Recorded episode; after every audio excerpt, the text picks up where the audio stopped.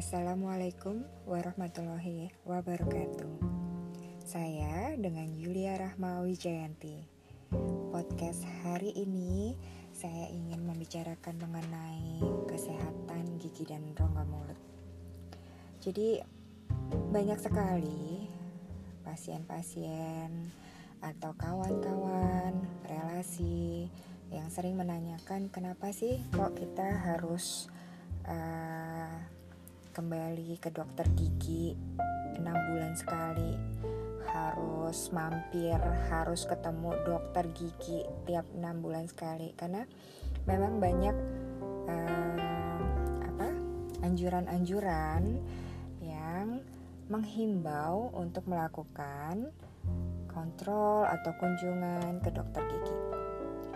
Jadi begini, kita itu dalam menjaga kebersihan rongga mulut, kebersihan gigi, memang kita disarankan sikat gigi dua kali sehari, terutama pada saat kita setelah makan dan sebelum tidur.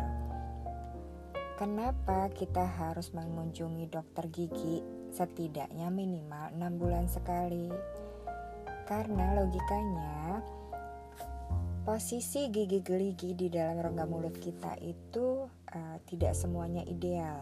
Dalam arti ada juga gigi-gigi yang tertentu yang posisinya kadang berjejal. Ya.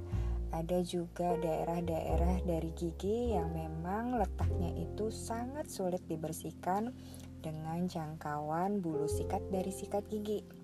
That's why kenapa disarankan untuk pemeriksaan berkala ke dokter gigi karena apa?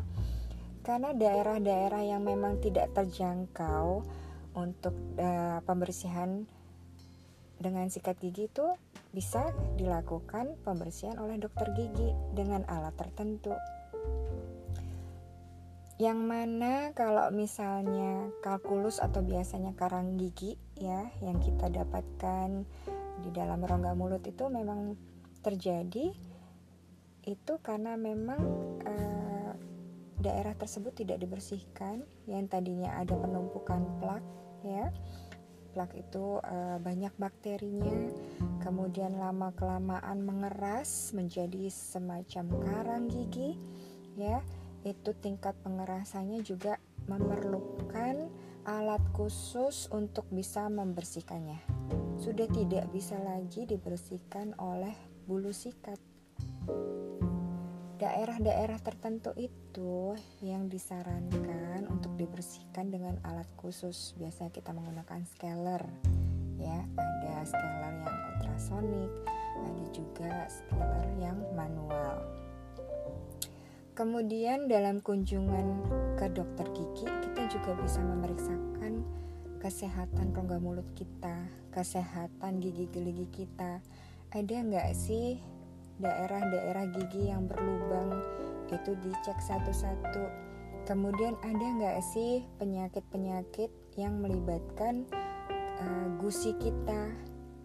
Kalau misalnya ada keluhan pada saat sikat gigi, kok gusinya mudah berdarah itu adalah salah satu gejala, salah satu tanda yang paling dini yang menunjukkan bahwa memang terdapat penyakit pada gusinya, pada giginya.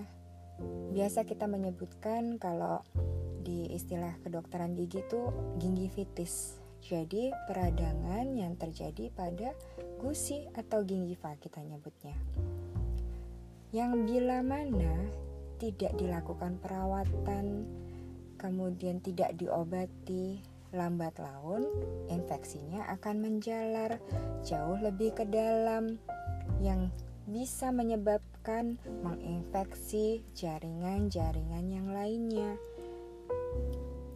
Manakala tidak dirawat juga bisa menyebabkan tanggalnya gigi, giginya jadi goyang, giginya bisa lepas. Banyak sekali kasus yang ditemukan, kok gigi saya nggak nggak lubang ya dok? Gak ada lubang, giginya masih bagus, tapi kenapa goyang? Nah, itu adalah salah satu tanda di mana itu terjadi namanya penyakit periodontal. Penyakit periodontal itu adalah penyakit yang menyerang jaringan periodonsium. Jaringan periodonsium itu terdiri dari gingiva, kemudian periodontal ligamen, kemudian sementum dan tulang alveolar di mana jaringan periodonsium itu adalah jaringan yang menyangga gigi. Ibaratnya, kalau misalnya tiang bendera ya, itu akan ada fondasi yang mendukung supaya tiang itu tidak jatuh, tidak goyang, tidak runtuh bahkan atau roboh. Nah, jaringan itulah yang disebut jaringan periodonsium mendukung gigi supaya tidak lepas dari soketnya dari dari uh, tempat gigi itu. Nah, tadi jaringan-jaringan periodontium itu terdiri dari keempat yang tadi ada gingiva atau kita sebutnya gusi, kemudian periodontal ligamen, kemudian sementum dan juga tulang alveolar. Kalau gigi tidak dibersihkan secara berkala, kemudian ada penyakit ya ada mikroorganisme ada bakteri yang berkumpul di dalam rongga mulut yang menginfeksi gigi-gigi kita yang menginfeksi jaringan-jaringan periodontalnya di dalam rongga mulut kita bisa bayangin nggak? Ya itu nanti korelasinya ke mana-mana. Karena apa? Karena di dalam gigi itu ada lapisan-lapisan. Yang mana kalau misalnya lapisannya itu ya lapisan luarnya dari gigi itu kan email. Kemudian di dalamnya lagi ada dentin dan juga ada pulpa. Di ruang pulpa itu ada syaraf-syaraf. Kalau misalnya ada infeksi ya itu bakteri-bakteri bisa juga masuk ke dalam sirkulasi ke tubuh kita bisa juga nanti uh, ke jantung ya. Kemudian ada juga penyakit periodontal yang menyebabkan uh, kelahiran bayi dengan berat badan di bawah normal. Jadi itu ada korelasinya. Kemudian juga dengan penyakit diabetes mellitus. That's why kenapa dihimbau dan dianjurkan untuk pemeriksaan ke dokter gigi semuanya dievaluasi. Bila mana memang perlu dilakukan tindakan perawatan, kita sarankan. Semua informasi pemeriksaan kita biasanya uh, mengkomunikasikan dengan pasien. Dari awal di anamnesis, kemudian kita lakukan pemeriksaan klinis, kemudian kita kasih tahu ke pasiennya dan kita berikan alternatif-alternatif rencana perawatan yang memang dibutuhkan untuk kasus-kasus pasien itu. Setelah melalui tindakan persetujuan, ya biasanya kita akan uh, membuat suatu inform consent. Setelah disetujui, ditanda tangan, maka perawatan akan dimulai. Satu catatan khusus adalah keberhasilan dalam perawatan itu merupakan kerjasama dari dokter gigi dan juga pasiennya bila mana mereka saling sinergis, berkooperatif keduanya ya, dokter giginya merawat, kemudian pasiennya apa-apa yang disarankan dianjurkan juga dijalani. Bila mana memang perlu kontrol atau kunjungan berikutnya untuk perawatan selanjutnya juga dijalani ya. Itu insya Allah uh, semua perawatan uh, dengan tingkat keberhasilan penyembuhan insya Allah akan baik ya itu semua juga atas seizin Allah dan kita tetap selalu berdoa dokter hanya membantu semua uh, pemeriksaan kemudian uh, ilmu-ilmu yang didapat untuk bisa melakukan suatu diagnosis rencana perawatan dan lain sebagainya itu kita uh, berikan uh, sumbangsinya untuk uh, melakukan treatment demi mencapai kesembuhan. Namun tetap semua atas seizin Allah Subhanahu wa taala. Jadi tetap uh, semuanya itu kita sebagai manusia memiliki keterbatasan. Ya kita berusaha semaksimal mungkin semampu kita.